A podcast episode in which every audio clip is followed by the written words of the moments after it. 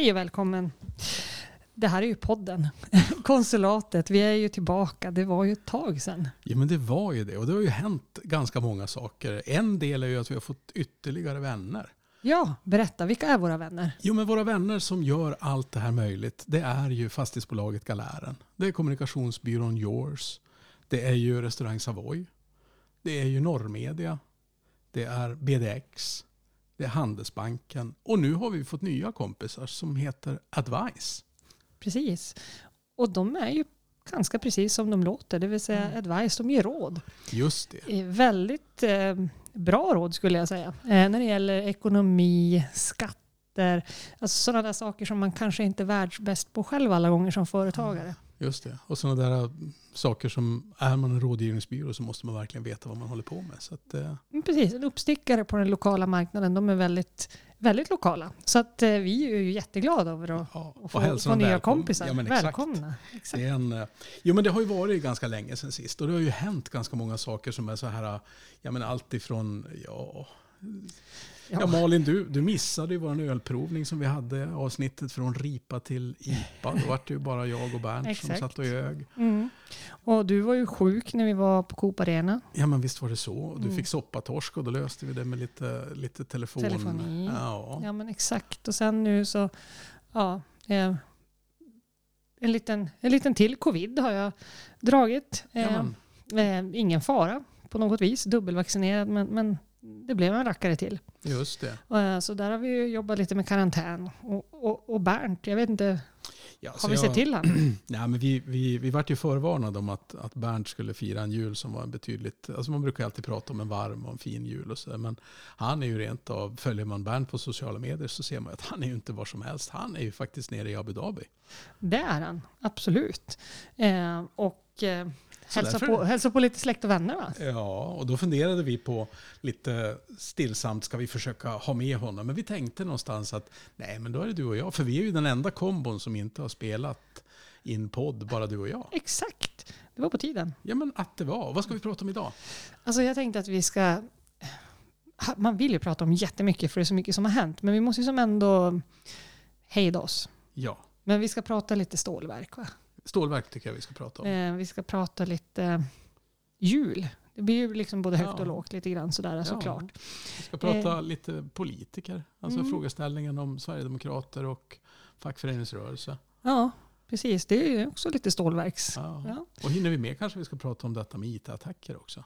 Ja, men absolut. Det tycker jag faktiskt. Det, det, det är hett just nu. Särskilt om man råkar befinna sig i Kalix. Just det. Och då får vi säga att det är hett som i en masugn. För nu ska vi Ah. köra vår första låt Ja, som heter Masugn Blues. kör. Då kör vi!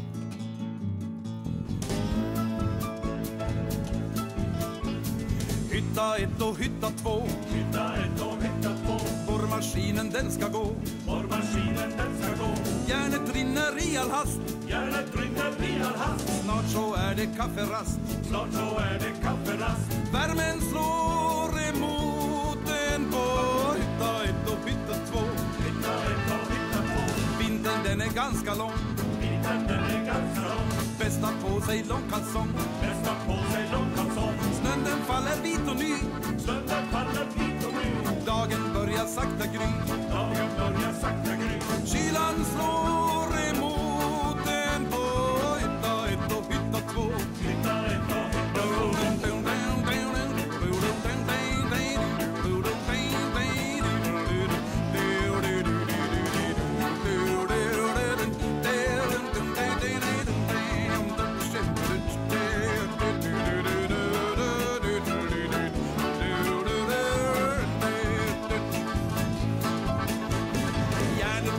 Järnet under press under press. Elden är nu i grossess Elden är nu i. Strängen väntar på sitt järn Strängen väntar på sitt järn. Någon drömmer om en kärn Någon drömmer om en. Skänken dras nu fram Till stänget och till den två och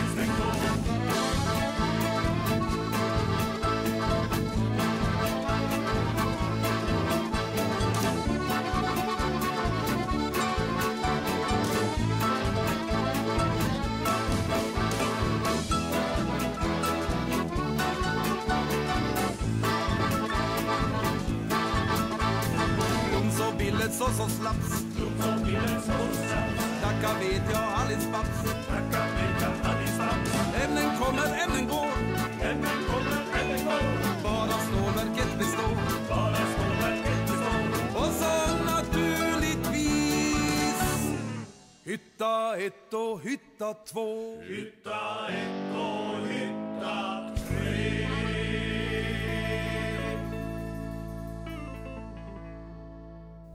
Ja, och det vi hörde var Masugn Blues eller Hytta 1 och Hytta 2. Erik Eriksson med hans vänner som hade spelat in. Och eh, den här, den här sången handlar ju förstås om, om två saker som inte finns. Nämligen Hytta 1 och Hytta 2.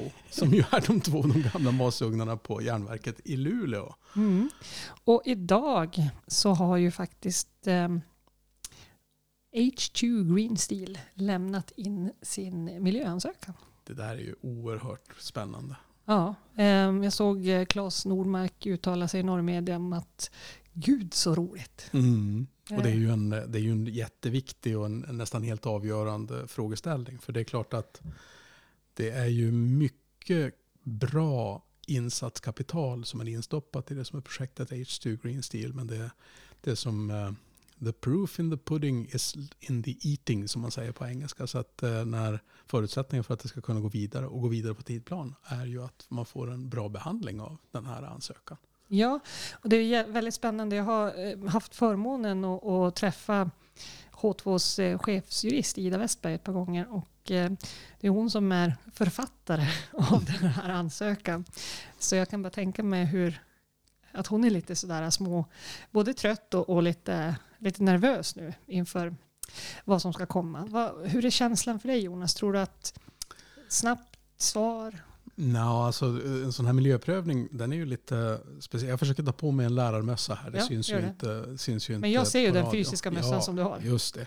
Där är det ju så att miljöbalken, när man gör en sån här miljöprövning, då är, då är det det man kallar för en samlad bedömning. Mm. Så tanken är att det, den som ska bli verksamhetsutövare eller tillståndssökare, de ska leverera en komplett utredning som ska täcka alla små delar som, som en sån här miljöprövning ska kunna hantera. Och när domstolen, mark och miljödomstolen bestämmer sig för att nu har vi fått nog mycket material, då börjar man vara redo för det som är själva rättsprocessen. Så det första som kommer att hända är ju att det kommer att utväxlas dokument. Och här blir det ju så att säga det som är effektiviteten hos våra myndigheter är ju en, eh, en viktig del. Och vi har ju behandlat det i våran podd Ja, i Ett antal gånger ett antal faktiskt. gånger och kanske i dess allra mest detaljerade form eh, tror jag i det som var gäst hos konsulatet med Linda Moding. Mm. Som ju har jobbat specifikt i och för sig med det som är gruvtillstånd. Men det är Mm. precis samma sorters miljöprövningar man pratar om i, i, i tillståndshanteringen enligt miljöbalken. Så att det, som, det som jag önskar nu för, för nästa år det är alltså ett år där, där det som är frågeställningar från alla myndigheter kan expedieras väldigt fort. Och där man kan försöka hålla ihop så att det inte blir en för omfattande och eh, lång process före det att man kan säga att nu ska vi rättspröva. Mm. Men om du skulle sätta upp fingret i luften och säga Ja. så här, ja, den 24 maj klockan 13.15, då har vi ett svar. Då tror jag att man garanterat skulle veta att jag inte visste vad jag talade om. Okej. Jo, eh, det, är ju, det är ju dessutom så att det är rörligt för det här handlar ju om rätt många olika saker. Tillståndsprövningar. Ja, för det första, det har ju inte startat något nytt stålverk på ganska länge. Så att ska, vi, ska vi prata med dem som, de som skulle ha varit med och miljöprövat ett, eh, ett stålverk sist, då tror jag att man får det räcker inte att man går till åldringsvården. Jag tror man måste besöka Svenska kyrkan i, i form av någon minneslund eller motsvarande. Ja, för det är länge tänker, sedan. du tänker en kyrkogård helt enkelt. Mm. Alltså för det, men sen är det också så att det, det ligger en oerhört stark press nu. Vi har Mm. fått en, en regering som, som redan i sin regeringsförklaring pekar på det som är det viktiga med, med Sveriges deltagande i den här industriella omställningen. Eh, vi har fått en näringsminister som har uttalat att, eh, att han kommer att jobba för att regeringen som förvaltningsmyndighet ska fatta beslut. Och den här sortens signaler tror jag är viktig för, viktiga för, för alla de prövande, rättsprövande myndigheter som finns i tillståndsprocessen. Att eh, nu finns det, nu är det rätt mycket upp till bevis. Därför att det här med att ha en effektiv rättsprocess behöver ju inte vara likhetstecken till att det ska vara en långsam tillståndsprocess. Nej, men det har ju tyvärr varit lite så. Jo, men det har ju mest varit när man har försökt hänvisa till varför tar det så länge så säger man att därför att det man gör är så, så svårt, viktigt eller bra. Men jag tror någonstans att i kvaliteten, det är förstås jag, jag har inte läst igenom det som är, det som är miljöprövningsansökan som, som man har gjort ifrån H2 Green Steel. Men, men är det yrkesfolk som gör det så vet vi att det finns en, en, en ganska normal kvalitetsnivå på det. För det är ganska mycket som handlar om utredningar som görs av andra tekniska konsulter med mera. Mm. Jag tänkte att vi skulle vandra vidare i, i stålverksvärlden. Ja. Eh, ehm, när vi pratar stål och så hamnar vi ju då, då hamnar vi på IF Metall. Just det, då Eh. hamnar vi ju egentligen i, i hytta 3. Eller jag, vet inte, vad- jag vet inte vad man ska kalla det, men det finns ju bara en masugn nu. Ja, ehm, man har ju alltså nu valt Ulf Karlström till ordförande inom IF Metall på SSAB, en av klubbarna. Just det. Och det är Eh. väl järnframställningen också? Ja, precis. Och eh, Ulf Karlström är då SD-politiker. Mm. Och det här har ju varit lite sådär känsligt. Och inte bara känsligt. Det har, ju, det har ju varit på det sättet att eh, andra sådana här val som är gjorda med, med eh, öppet aktiva eh, sverigedemokratiska politiker har ju lett fram till att man i, i vissa fall faktiskt har genomfört uteslutningsärenden med mera kopplat till, till Ja, det så man, man uteslöt ju faktiskt en, en yrkeschaufför från Transportarbetarförbundet Mm. på grund av att han kandiderade till eh, kommunfullmäktige för Mm. SD. Mm. Just för att man anser att det liksom den politiska övertygelsen strider med Mm. fackets grundidé om att alla är välkomna. Det här är ju faktiskt en, det, det finns ju spännande intressekonflikter för jag, jag, vi noterar ju att eh, kommunikationsansvariga på IF Metall centralt eh, har ju som uttalat sig kring å ena sidan och å andra sidan. För det finns ju något rättsfall där, där man har slagit fast att eh, man kan inte utestänga någon från, från det som är fackligt medlemskap på grund av en, en partitillhörighet. För det är klart att vi har grundläggande föreningsfrihet. Men eh, Å andra sidan så är det ju så att eh, den föreningsfriheten är ju också att en förening kan ha vissa, vissa antagna stadgar.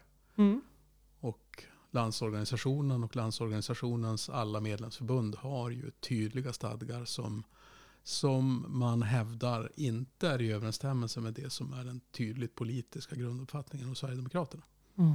Vem bestämmer det då? Ja, eh, precis. Jag ska säga, vad, vad tycker vi egentligen om det här? Ja, då?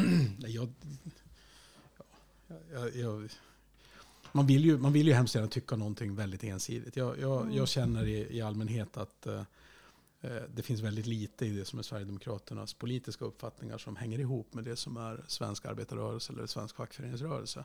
Det är som den ena delen av det hela. Eh, och för mig så framstår det som väldigt märkligt att, att man vill vara företrädare för en facklig organisation där stadgarna säger att man ska stå för vissa saker Mm. som inte ens politiska uppfattningar hänger ihop. Men det måste ju var och en individ som kandiderar bestämma. Men sen blir det ju oerhört svårt när man, ska, när man kommer till, till, till att avgöra. Är det, får föreningen själv bestämma vem det är som ska företräda föreningen? Ja, och på vilken nivå ligger det politiska engagemanget också? Eh, någonstans. Mm. Så att, nej, jag vet inte. Det, men vi var tvungna att beröra det. Ja, jag tror det. Och, och min egen personliga uppfattning, vill man göra det väldigt enkelt för sig så tänker jag väl att eh, vi har val, vi har, eh, vi, grundlagen stadgar att vi har fria och öppna val och vi har dessutom valhemlighet. Så att ingen ska behöva berätta vilket parti man röstar på. och man måste inte vara politiskt aktiv för att vara fackligt förtroendevald på något sätt. Eh, även om det historiskt sett har, har funnits en sån, en sån tydlig koppling. Den andra delen förstås, den är ju att när man börjar vara förespråkare och företrädare och bestämma det som är politik från ett politiskt parti som, som har uppfattningar som tydligt strider mot det som, det som är stadgarna i, i ett eh, LO-förbund. Då tycker jag väl att eh, då måste ju föreningen avgöra det via sina stadgar. Mm. Nu ska vi lyssna på musik. Jag menar att vi ska. Att vi Vi ska. återkommer. Vi kör.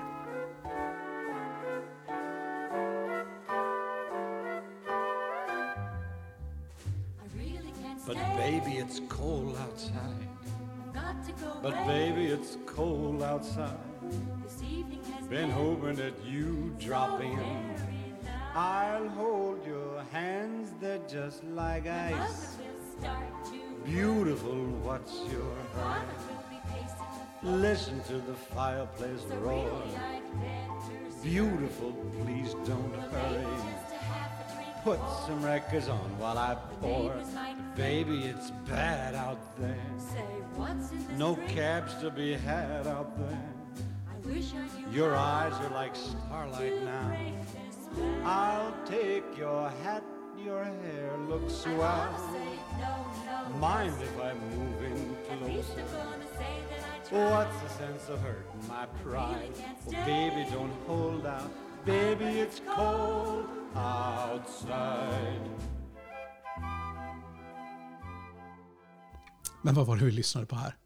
Dean Martin. Åh, Ja, alltså min mamma hatar Dean Martin och hatar när jag slår igång den här julskivan, vilket jag gör den 23 december i samband med köttbullsrullning och eh, lite andra grejer. Eh, själv älskar jag Dean Martin. just det. Och, och när upptäckte du att din mamma avskydde just den här låten och din Martin? Alltså inte just bara den här låten, hon gillar alltså inte Dean Martin rent eh, generellt. Och Eh, det brukar väl få särskilt... ja, hon, är ju, hon är ju 73 år så jag tänker att hon borde göra det, men hon, hon var mer av en Elvis-tjej. Så, så det det. finns väl något motsatsförhållande antar jag. Men, men eh, Så för dig så är det här köttbullsrullning? köttbullsrullning i Smedsbyn, absolut, Ah. 100 Jag procent. tänker vi återkommer till det, men vi har någonting tråkigare att prata om och det är ju IT-attack. Ja, precis. Kalix kommun, hela IT-systemet ligger ju nere. Alltså det. Och det här blir ju vanligare och vanligare. Jag var Mm. in för, det här börjar kanske vara ett och ett halvt år sedan var jag in på Mekonomen i Luleå och skulle betala. Och, äh, du måste betala via den här äh, mackapären för att vårat, hela vårt system har blivit tillfångataget. Ehm, och ehm, då gör de ju så här, de här lurifaxarna. De tar ju tillfångatar systemen och kräver lösensumma. Och det. då finns det ju två vägar att vandra. Mm. Jag har hört en del. Vi har diskuterat det här faktiskt med, med våra försäkringsmäklare. Det finns ju försäkringar för att skydda sig mot sånt här. Mhm. Eh, Vad så, heter en sån försäkring?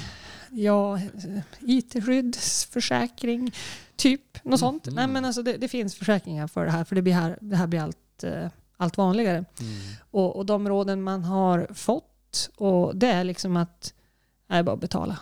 Nej, men, får, får man de råden? Så det är inte det där att eh, man ska ringa till kvarterspolisen som Nej, får komma Betala. med betala? Eh, för att det är liksom att man förhandlar. Alltså Mm. man förhandlar om en, en, de säger 20 miljoner. Och Ja, ja. du säger nja, fem. Och de säger 15 och så kanske de landar på 10. Ehm, så. Men, det, men det finns ju ingen möjlighet för en kommun att kunna ge sig in i den här sortens för, förhandlingar tror jag. Eftersom det är skattemedel de drivs Ja, på. de, de kanske sitter lite värre till. Men, men, eh, men det är liksom det man har hört att eh, det brukar vara framgångsrikt. Att förhandla och betala och köpa tillbaka det. För det är också så att kostnaden för att bygga upp sådana här grejer. Mm. Eh, alltså, ja, men till exempel då som ekonomer. Ska de bygga upp ett helt nytt Mm. kundregister, alltså du vet allt. Men, men det låter ju ändå som att försäkring borde vara ett, ett, eh, ett rimligt alternativ som man inte själv behöver göra övervägandena. Betala en premie och så sen händer Mm. någonting så.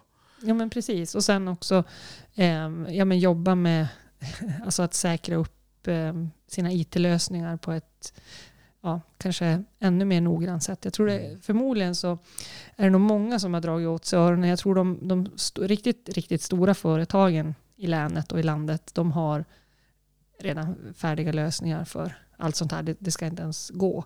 Men sen finns det ju vi som kanske är lite mindre och sådär. Jag minns för många år sedan så fanns det någon sån här lista över en topp 10 du inte vill att din IT-tekniker ska säga till dig.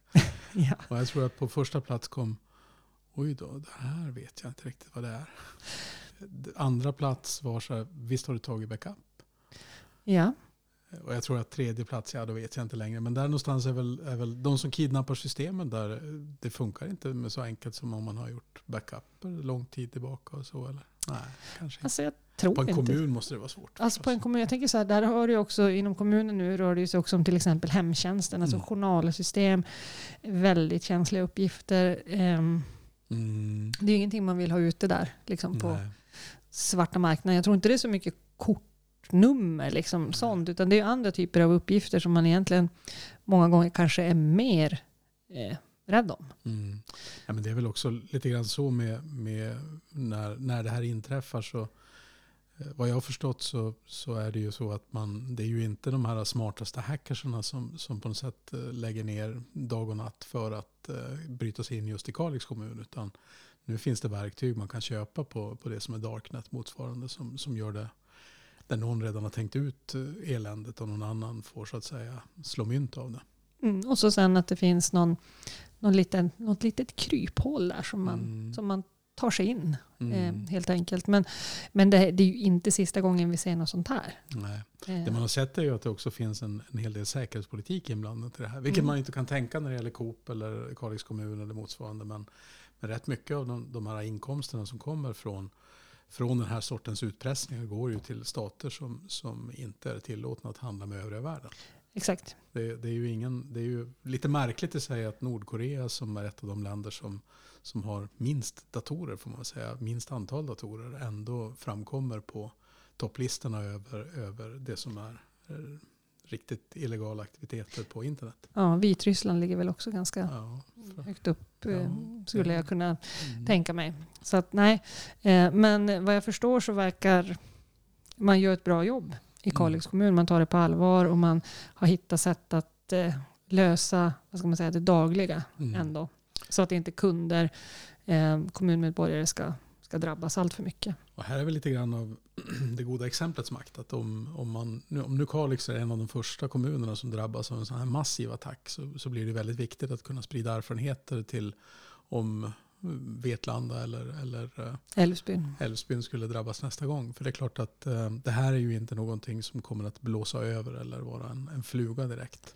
Nej, nej det, det kan vi nog vara klara över. Det blir säkert bara mer och mer sofistikerat. Så att de som säljer sådana här försäkringar de har nog en bra, bra marknad. Va? Jag tror alltid att det är så att om, om, man, om man ser framför sig en värld med många problem då ska man investera i försäkringsbolag. det, det är bra att äga dem.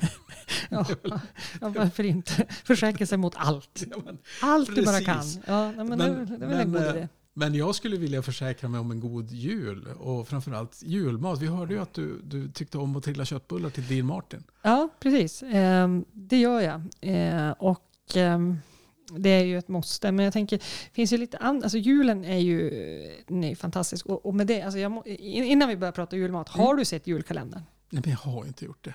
Inte ens med barnbarnen? N- nej, det har jag inte. Ja. Alltså då har du ju missat någonting. Ja, men alltså finns inte det på någon play? Ja, ja, ja. Du kan se det fram till juni om du så önskar. Men, Ja. men det är, ehm, den är ju inspelad i Luleå. Oh. Och i Nedre Luleå kyrka.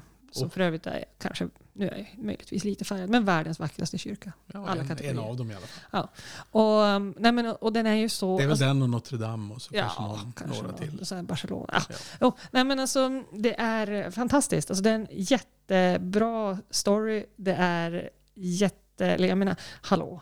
Ha- Paul Isman. Han Mm. är ju, han är ju då, alltså det är ju Claes Malmberg som är polisman. Paul Isman. Paul Isman. Ja, ja. Vi pratar bove, stuliga, kriminellen. Alltså, ja, du hör ju, de här har ju haft roligt. Eh, och sen är det liksom, ja men det, det, den är jätte, jätte, jättebra. Eh, mina ungar älskar de är i och för sig fem och åtta. Men, men jag har även hört många vuxna som inte har barn som ser den. Mm. Eh, sen ger den ju en fin bild av Luleå. Så är det. Mm. Och i det sammanhanget också så släpptes nu för tre veckor sedan är det eh, Lasse-Majas detektivbyrå, återigen barnprogram, Mm. inspelat i Luleå vintertid. Mm. Eh, fantastiska kulisser. Där jobbar man både med, där är främst domkyrkan faktiskt. Eh, domkyrkan, eh, gamla Kurirenhuset.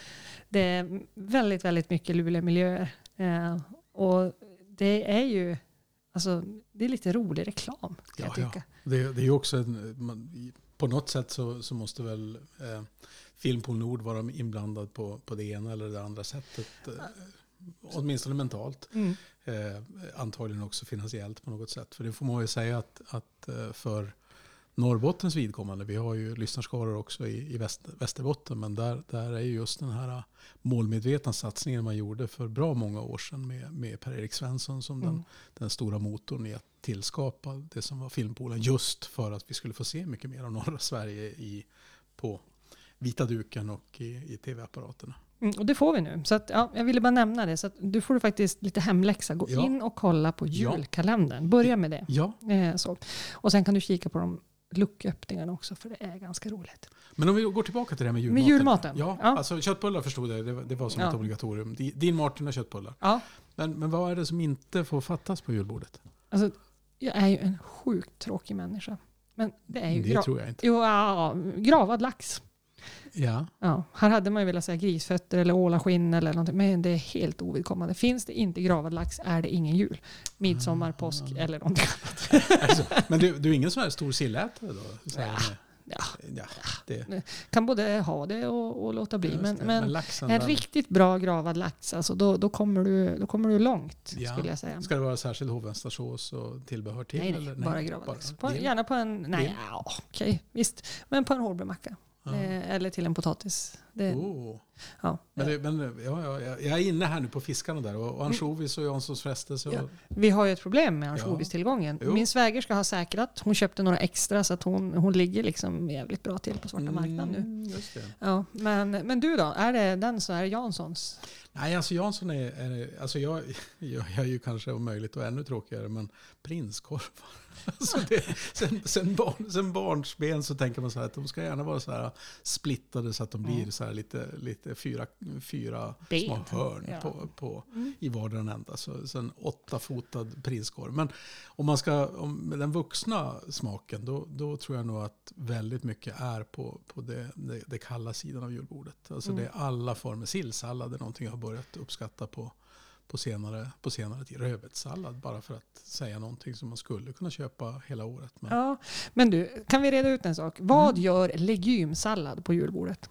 Mm, ja. Vilken funktion fyller den? Jo, men den fyller ju den här, den här lite söta funktionen. ja, Den är, det är typ jättekonstig. ja, Ärtor och morötter och konstiga grejer. ja, jo, jo det, det, det, det är sant. Men jag, jag tycker så här att julbordet får alltid plats för en till röra. Så så länge det är Ja, någonting tänker obestämbart och det ska finnas någonting. Det är alltid bättre med, med fem små skålar än fyra små skålar. Mhm, Eller? du tänker så, du tänker så. Nej, men så det, det, man, man får även slänga in liksom gubbröra. är också- Gubbröra är ju en klassiker. Ja, den är bra. Fast också. är det mera jul? Alltså för min Ja, egen del så, så är det ju när jag, när jag Är- känner det där salt är det mer midsommar? Nja, Eller bara rent generellt? Rent generellt. Ja. Alltså gubbröra på, på eh, kanelknäcke faktiskt. Jaha. Det låter jättekonstigt men, Ja, men det lite finns ju udda. såna här små runda skivor Mm. med kanelknäcke och så en ordentlig klick med gubbröra på det. Mm. Och mycket potatis har jag Mm. gärna i min gubbröra. Mm. Det här är ju någonting som mamma tvingas göra. Gubbröra. Jajamensan. Men det är ganska lätt att göra gubbröra. Ja, Ja. det låter inte alltid så. Nej, men jag tänker trilla köttbullar är ju för min egen del mycket, mycket mer konstarten. Och, Än att göra en gubbröra. ja, den, är ju faktiskt bara att röra. Ja, precis. Så Man behöver bara en gubbe som gör det. Ja, då är det ju svårt för din mamma. Ja, ja nej, men hon kan ju be pappa röra ihop det. Men, nej, men det, det är bra. Eh, och sen, sen tänkte jag liksom också, har du någon önskejulklapp som du känner så här att Som jag skulle vilja ge eller som jag skulle vilja få. få? Få. Oj, nej, nu vart det ju svårt därför att eh, det, det är ju, alla de julklappar man har fått är ju fantastiska önske, önskeklappar. på riktigt, faktiskt. Så, Okej men jag tycker att, att få eh, handgjorda saker av barn och barnbarn, det är alltså önskeklappar. Sånt är ju, det, det smälter i vilket hjärta som helst. Mm. Mm. Du då? Eh, Alltså, jag vet inte. Jag, jag, jag konstaterar också bara att eh, vi diskuterar det här med de sämsta julklapparna. Att jag har egentligen inga önskningar. Men jag, jag kommer ihåg den... Alltså det här säger ju bara hur bortskämd man är också. Mhm. För att Alltså det är en fick, förstörd jul. ja, ja, faktiskt på grund av det här. Alltså jag blev hur, sjukt... gammal, hur gammal var det? Ja, men säg att jag kanske var 13 Okej. och fick en skoteroverall. Sko- skoter- Skoteroverall. Och, och det här, alltså, jag menar, det ska man ju vara jätteglad över. Ja, ja, det ska man vara. Praktiskt. Så här i efterhand. Praktiskt. På alla sätt och vis. Ja, ja, ja. Men tyckte man att det var en rolig julklapp? Som 13-årig, tje- som 13-årig kille tror jag att det hade varit roligare. Bara det fanns någon koppling till snöskoter. Mm. Eh, det var faktiskt, och, och så här i efterhand så liksom jag, eh, jag, var, nej, jag var fan sjukt besviken. Det, det var en sån där... Ja, du hör ju, jag, jag, är fortfar, fortfarande 40 år, nej 30 år senare så, så känner jag en viss bitterhet mot den här skoteroverallen. Den var ju dyr säkert Ja, ja, och, på alla sätt och vis liksom praktisk. Men nej, det, var, det, var, det var en mardröm. Mm, Så att var Ni där ute ger inte era barn skoteroverall. Nej, nej, precis. När jag var liten så, så var ju känslan av att när man fick eh, mjuka paket så var ju de inte riktigt lika roliga som de hårda paketen. Nej. Men Nej. det var nog mera för att det här med intresse för kläder kom ju senare. Mm. Mm. Annars kan man gå klädd i skoteroverall. Det kan man ju. Bara man lyssnar på bra musik. Ja, ska vi avrunda med lite musik och så sen, du, ska vi utfärda ett löfte? Ja, men det tycker Att jag. det inte går lika länge till nästa men podd? det gör det ju inte. Nej, det gör ju inte Ja, det. men då avslutar vi med Bo Kaspers som önskar jul. Ja, det gör vi. På återhörande hörni. På återhörande. God jul. God jul.